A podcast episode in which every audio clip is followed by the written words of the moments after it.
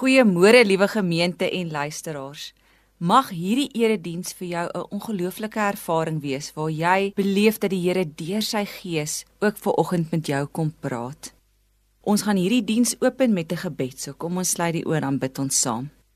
Here, dankie dat U ons ver oggend hier saambring. Dankie Here dat ons weet dat U ook met ons 'n afspraak het. Here, ons weet dat U vir ons lief is, dat U genade vir ons genoeg is. Ek bid dat U in hierdie oggend ons oë en ons ore en ons harte sal oopmaak vir dit wat U vir ons wil kom sê. Amen. Ons gaan begin vandag deur saam 'n loflied te sing en op hierdie manier gaan ons die Here se naam groot maak. Kom ons sing lekker saam.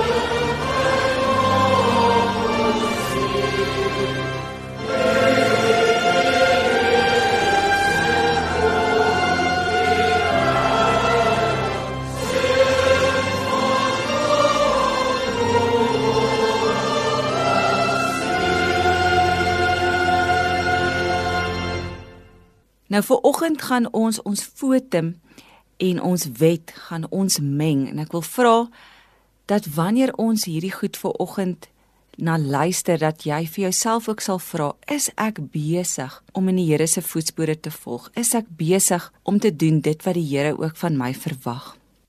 Die Vader wat sy seun na hierdie wêreld gestuur het die seun wat sy disippels geroep het en die Heilige Gees wat ons elkeen roep groet julle ver oggend met die woorde genade en vrede. Wat is ons alles aan mekaar verskuldig? Net om mekaar lief te hê. Watter deel van God se wet voer ons uit wanneer ons mekaar liefhet? Die hele wet van God, want al die gebooie word daarin saamgevat. Die samevatting van die wet is: jy moet jou naaste lief hê soos jouself. Die liefde doen die naaste geen kwaad aan nie. Daarom is die liefde die volle uitvoering van die wet. Amen. Terwyl ons so sit, gaan ons nou 'n lied sing en met hierdie lied gaan ons ons instel op die erediens.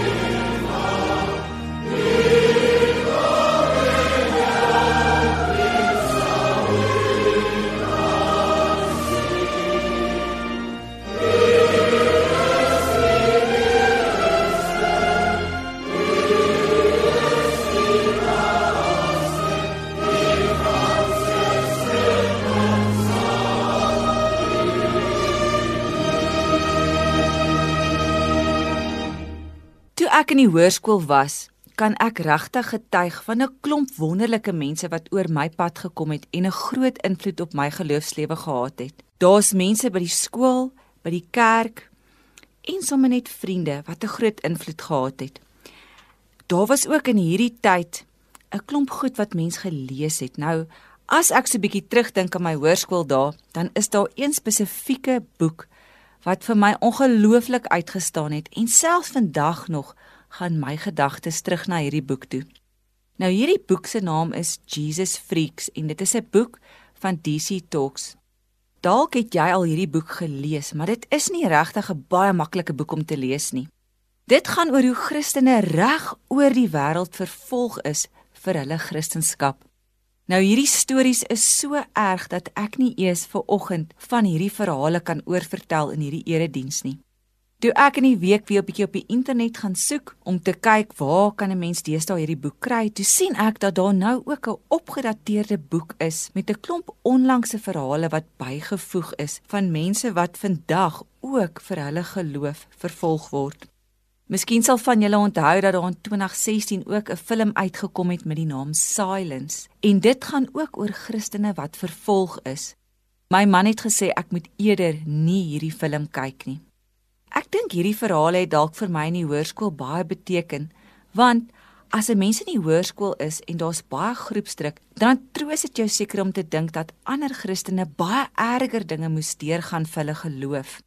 As jy byvoorbeeld nee moet sê vir groepsdruk en daarom dalk oral nie so gewild is nie, dan voel 'n mens dit is seker nie so erg nie. Tog het my kop al so baie teruggegaan na hierdie boek toe en weer 'n keer toe ek hierdie teks voorberei vir vandag se diens. Nou Jesus word amper by 'n berg afgegooi oor dit waarin hy glo. Hy word vervolg vir die goeie nuus wat hy bring. En dit het my al baie laat wonder of dit vandag enigsins nog eintlik 'n uitdaging is om 'n Christen te wees. Niemand in Suid-Afrika word tog vervolg as jy kerk toe gaan of in Jesus Christus glo nie.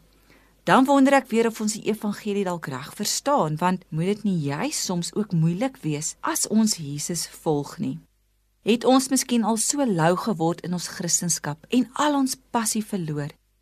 Weet mense nog dat jy 'n Christen is? So kom ons gaan lees hierdie teks waar Jesus amper van die berg afgegooi is en dan gesels ons ver oggend lekker saam oor hierdie teksgedeelte. Julle is welkom om julle Bybels te blaai daar na Lukas 4 en ons gaan lees vanaf vers 16 tot 30. En terwyl ons die teksgedeelte bespreek, wil ek jou vra om sommer jou Bybel voor jou oop te hou. Nou daar in die begin van Lukas 4 sien ons dat Jesus deur die duiwel versoek is daar in die woestyn. En dan lees ons die oorgang tussen die woestyn en waar Jesus in Nasaret besig is om te bedien en vir die mense te vertel van die evangelie. So daar in vers 14 staan daar: Jesus het na Galilea toe teruggegaan vol van die krag van die Gees en berigte oor hom het deur die hele omgewing versprei. Hy het die mense in die sinagoges geleer en almal het met lof van hom gepraat. Hy het ook in Nasaret gekom waar hy groot geword het en soos sy gewoonte was, het hy op die Sabbatdag na die sinagoge toe gegaan.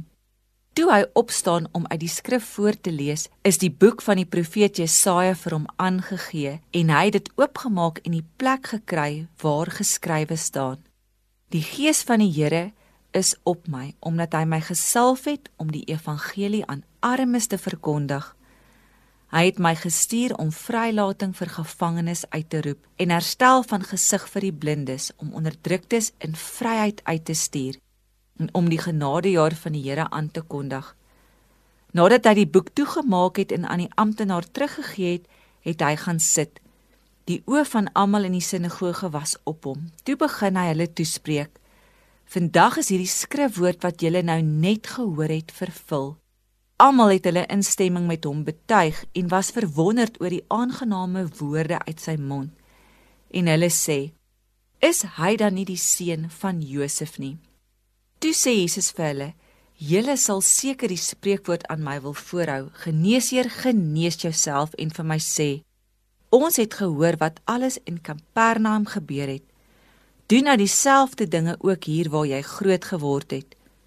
Maar dit verseker ek julle, sê hy verder: Geen profeet word in die plek waar hy groot geword het aanvaar nie.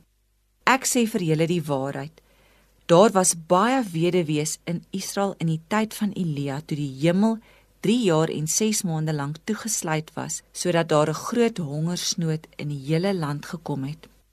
Tog is Elia nie na een van hulle gestuur nie, maar wel na 'n weduwee in Sarfat in die gebied van Sion. En daar was baie melaatses in Israel in die tyd van die profeet Elisa. Dog is nie een van hulle genees nie, maar wel Naaman die Siriër. Almal in die sinagoge was woedend toe hulle hierdie dinge hoor.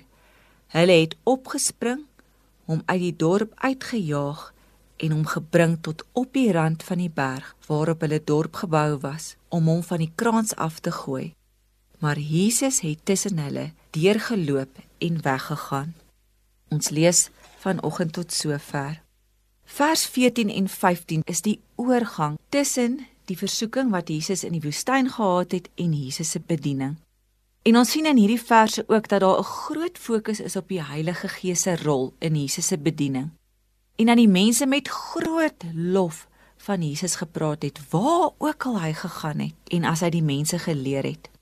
Nou dis eintlik interessant want mense sien hierdie duidelike kontras tussen die positiewe reaksie wat die mense teenoor Jesus het en hoe woedend hulle vir hom in Nasaret is. So kom ons kyk 'n bietjie, waar kom hierdie woede vandaan?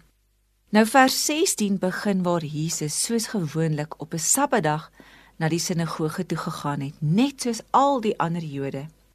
Daar was verskillende elemente met so 'n samekoms in die sinagoge. Een van die elemente was om 'n gedeelte uit enige profeteboek te lees. Vandag sien ons nou hier dat daar spesifiek uit Jesaja gelees is.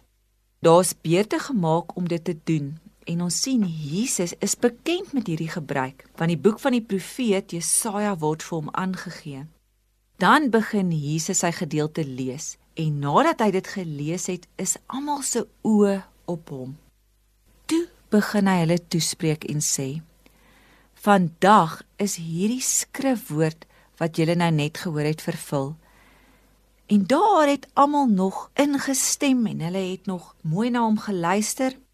Ek kan nogal vir myself dink dat 'n paar mense miskien al klaar hier moes begin wonder, wat bedoel Jesus? En volgende vertel hy 'n storie van 'n weduwee en hy vertel 'n storie van Naaman en ewe skielik is almal woedend en hulle wil hom uit die sinagoge gooi en hom doodmaak. Nou waar kom hierdie skielike negatiewe reaksie teenoor Jesus vandaan? Wat kon hy gedoen het om die Jode so om te krap dat hulle een oomblik nog na hom luister en die volgende oomblik wil hulle hom doodmaak? Om dit beter te verstaan, gaan ons 'n bietjie kyk na hierdie aanhaling wat Jesus gelees het uit die profete boek Jesaja. Nou ek gaan vir oggend vir julle direk uit Jesaja 61 vers 1 tot 2 lees want dit is waar ons nou die aanhaling kry wat Jesus nou hierso in die sinagoge gelees het. As jy jou Bybel nou nogal naby het, is jy welkom om nou ook by Jesaja 61 oop te maak. En na die erediens kan jy ook lekker hierdie twee gedeeltes met mekaar vergelyk. Nou daar staan in Jesaja 61 vers 1 tot 2. Die gees van die Here my God het oor my gekom. Die gees het my gesalf om 'n blye boodskap te bring aan die mense in nood. Hy het my gestuur om die wat moedeloos is op te beer, om vir die gevangenes vrylating aan te kondig. Vryheid vir die wat opgesluit is, om aan te kondig dat die tyd gekom het waarop die Here genade betoon. Die dag waarop ons God sy vyande straf, maar almal wat treur vertroos. So waaraan dink Jesus se gehoor as hulle hierdie aanhaling uit Jesaja hoor of dan nou lees hier in die sinagoge? Hierdie woorde was oorspronklik geskryf vir die Jode wat teruggekom het van die Babiloniese ballingskap en wat nog getreur het oor dit wat in Sion gebeur het toe hulle uit hulle land uit weggevat is. Hulle het hulle vryheid en hulle land verloor. Nou hierdie mense in die ballingskap word in Jesaja 61 beloof dat hulle omstandighede omgekeer gaan word. Daar gaan 'n tyd kom wanneer die Here aan hulle genade gaan betoon. Maar dit gaan nie net by die genade bly nie. Die Here gaan ook wraak neem oor hulle vyande en hulle vyande gaan gestraf word. Hierdie woorde het 'n toekoms voorspel waar die uitlanders of vyande die Jode gaan dien. Jesus se gehoor wat voor hom sit, interpreteer hierdie gedeelte vir hulle eie omstandighede. Hulle verwag om ook verlos te word van die Romeinse regering wat op die oomblik in beheer is daar in Israel. Hulle verwag dat Jesus gaan sê dat daar wraak gaan kom oor die Romeine en dat God die Romeine gaan straf sodat die Jode weer in beheer kan wees. Nou Jesus stop by die gedeelte wat gaan oor God se genade. Jy kan bietjie mooi gaan vergelyk. En hy lees nie die gedeelte oor die wraak nie. Deur die gedeelte oor die wraak uit te los, verwyder hy al die elemente wat verwys na Sion en Israel en ook al die elemente wat wraak teenoor die heidene verklaar. En die feit dat Jesus dit doen, maak die gehoor woedend. En dan vat Jesus dit nog 'n stappie verder en hy gebruik twee voorbeelde waar God genade betoon aan twee nie-Jode, naamlik die weduwee van Sarfat en ook teenoor Naaman. En toe is dit net die einde. Nou hoe dink hierdie Jode oor God se genade? Die Jode in die sinagoge wil God vir hulle self hê. Hy mag net aan hulle genade bewys en aan niemand anders nie. Almal wat nie saam met hulle stem nie, moet deur God gestraf word. Almal wat nie inpas by hulle reëls en regulasies nie of by dit wat vir hulle aanvaarbaar of nie aanvaarbaar is nie, moet dadelik uitgejaag word en val nie binne God se genade nie. Nou hoe dink die Jode oor God se genade? Die Jode in die sinagoge wil God vir hulle self hê. Hy mag net aan hulle genade bewys en aan niemand anders nie. Almal wat nie inpas met dit wat hulle inglo nie, moet deur God gestraf word. Almal wat nie inpas by hulle reëls en regulasies of by wat hulle dink aanvaarbaar en nie aanvaarbaar is nie, moet uitgejaag word en val nie binne God se genade nie. Nou Jesus wou eintlik nooit 'n nuwe godsdiens begin nie. Hy wou die kontinuïteit met die Judisme bevestig en hy doen dit ook. Ons sien dat hy die Sabbat bevestig. Hy gaan op die Sabbat na die sinagoge toe. Hy bevestig die sinagoge, hy neem deel aan die gebruike en hy bevestig ook die skrif, die feit dat hy uit die profeteboek uitlees. Maar Jesus bevraagteken die interpretasie van die skrif wat die Jode al die jare toegepas het. Hy bevraagteken nou spesifiek in hierdie teks die interpretasie van Jesaja 61 waar die Jode God net vir hulle self wil toeëien en die res wil verdoem. Hoe meer ek die afgelope tyd die koerante lees, hoe meer besef ek dat ons uitdaging as Christene meer en meer van ons gaan vra as ons waarlik in Jesus se voetspore wil volg. Ons gaan dalk nie in Suid-Afrika soos in ander lande hoef te sterf vir ons geloof nie, maar ons gaan ook moet ly as ons teen die stroom in wil beweeg. Ons wêreld is so verdeel en die verskillende pole word net groter en groter tussen liberaal en konservatief, tussen swart en wit, tussen ryk en arm, hoe mense dink oor seksualiteit, geslagsrolle en kerkwees. Ons begin al hoe meer dink en praat van die ons en die ander. Wat ook al jou ander is. Brûe word verbrand, letterlik en figuurlik. En die sosiale media help ons ook nie hiermee nie. Ek het 'n rukkie terug 'n dokumentêr gekyk, naamlik The Social Dilemma. Hierdie dokumentêr gaan daaroor dat daar algoritmes is in die sosiale media wat vir jou meer inligting gee van die goed waarvan jy alreeds hou. Het jy al agtergekom hoe jy miskien iets Google of soek en dan as jy weer op Facebook is, dan kry jy 'n advertensie presies van die ding wat jy 'n paar dae vroeër gesoek het. Kom ons vat 'n voorbeeld. Jy soek miskien na vliegtuigkaartjies na Hawaii toe.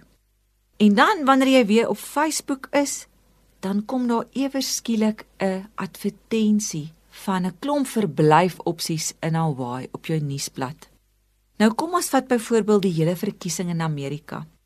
As jy byvoorbeeld pro-Trump is en jy lees 'n klomp artikels en jy like 'n klomp artikels oor hoe korrup die verkiesing is, dan sal al die platforms waarop jy is, is dit nou Twitter of Facebook of is dit nou Instagram, Dit sal vir jou nog artikels gee wat vir jou 'n pro-Trump inligting gee of praat oor die korrupte verkiesing. En jy kan presies dieselfde sien. As jy byvoorbeeld nou 'n Biden ondersteuner is, sal dieselfde gebeur.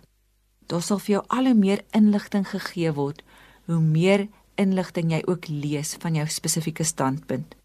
Met ander woorde, wat gebeur is, jou wêreldbeeld word gevorm deur wat jy lees. En so word hierdie twee pole net al hoe groter en so begin hierdie twee groepe mekaar mis. Jy kan byvoorbeeld hierdie ding ook gaan toets op iets soos inenting. Mens kry mense wat pro-inenting is en jy kry mense wat teen dit is. En hoe meer artikels jy van die een ding lees, hoe meer artikels gaan jy ook daaroor kry. En later, sonder dat jy dit besef, dink jy dat jou manier van dink die enigste is van die inligting wat jy kry op al die platforms is die inligting wat alreeds jou standpunt ondersteun. Nou binne hierdie wêreld waar mense mekaar al hoe meer begin sleg sê, waar daar haatspraak is, waar God se liefde slegs vir een groep toegeëien word. Binne in hierdie wêreld moet ons hom volg. Nou wat dit ongelooflik moeilik maak is dat ek en jy alreeds in 'n groep is. Ons dink alreeds vanuit 'n sekere raamwerk. Ons kan dit omtrent vergelyk met die Jode want net soos wat die Jode groot gemaak is met 'n sekere interpretasie van die skrif of met 'n sekere interpretasie van wie aanvaarbaar is vir God en nie. So is ons ook groot gemaak binne ons eie wêreldbeeld. En daarom is dit moeilik om buite ons boksies weier te dink oor God se genade. Ek het al baie beleef hoe ek in my lewe vir sekere groepe, noem dit nou maar die ander opgestaan het in my lewe. En dat mense my baie keer gekruisig het daaroor en sleg gesê het. Miskien is jy in 'n situasie waar jy al miskien vir die ander opgestaan het. En dit het mense wat naby aan jou is woedend gemaak sodat hulle jou miskien uitgestoot het. En dit het my baie laat dink aan die boek waarin ek gepraat het in die begin van die erediens. Dalk is dit nou juis waar ons vandag gestenig gaan word vir die evangelie. Dalk is dit waar ons deur om Jesus te volg moet lei. Om brûe te bou in 'n samelewing waar almal verdeeld is, is een van die heel moeilikste goed. Om so te lewe dat ons verander wys dat God se liefde en genade vir almal is, is een van die moeilikste goed wat daar is. Dit is baie moeilik. Ek wil jou vandag uitdaag. As jy hierdie teks ernstig opneem en Jesus se voorbeeld volg, wat sal die gevolge vir jou wees in jou gesin, jou familie, jou werksplek, miskien jou skool? Hoe gaan die mense jou behandel as jy liefdevol optree teenoor die ander in jou samelewing? As jy vir 'n oomblik daaraan of daaroor gedink het, wil ek jou weer uitdaag. Gaan volg Jesus in elk geval. Hy weet hoe dit voel om vervolg te word vir die evangelie. Sy disippels weet hoe dit voel en miljoene mense na hulle het geweet hoe dit voel om te ly vir die evangelie. Jy gaan dalk nie doodgemaak word vir die goeie nuus nie, maar dit gaan nie altyd maklik wees om op te staan in hierdie land nie. Mag jy weet dat soos wat die Heilige Gees saam met Jesus en saam met al sy volgelinge oor die eeue was, so sal hy ook by jou wees in hierdie jaar wanneer jy kies om jou kruis op te neem en in Jesus se voetspore te volg. Amen. Kom ons bid saam. Here God, maak my 'n instrument van vrede. Waar daar haat is, laat my liefde bring. Waar daar oortredings is, vergifnis. Waar daar twyfel is, geloof waar daar wanhoop is, hoop. Waar daar duisternis is, lig. Waar daar droefheid is, vreugde. O Heilige Meester, gee dat ek in plaas daarvan om vertroosting te soek, ander sal troos, om begrip te soek, ander sal verstaan, om liefde te soek, ander sal bemin. Want dit is deur te gee dat ek ontvang, deur te vergewe dat ek vergewe word en dit is deur te sterwe dat ek die ewige lewe beerwe. Amen. Gemeente, ons gaan nou afsluit met 'n slotlied.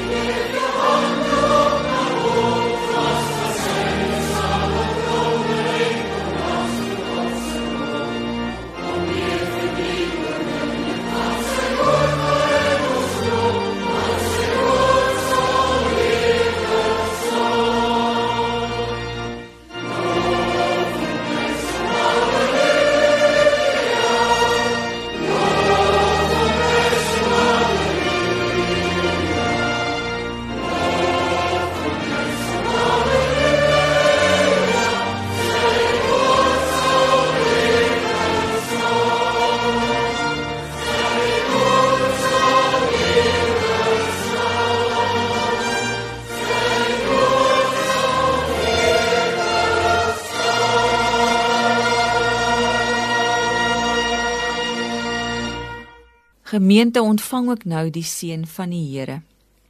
Mag die genade van die Here Jesus Christus, die liefde van God ons Vader en die oorvloedige teenwoordigheid van die Heilige Gees met elkeen van julle wees en bly. Amen.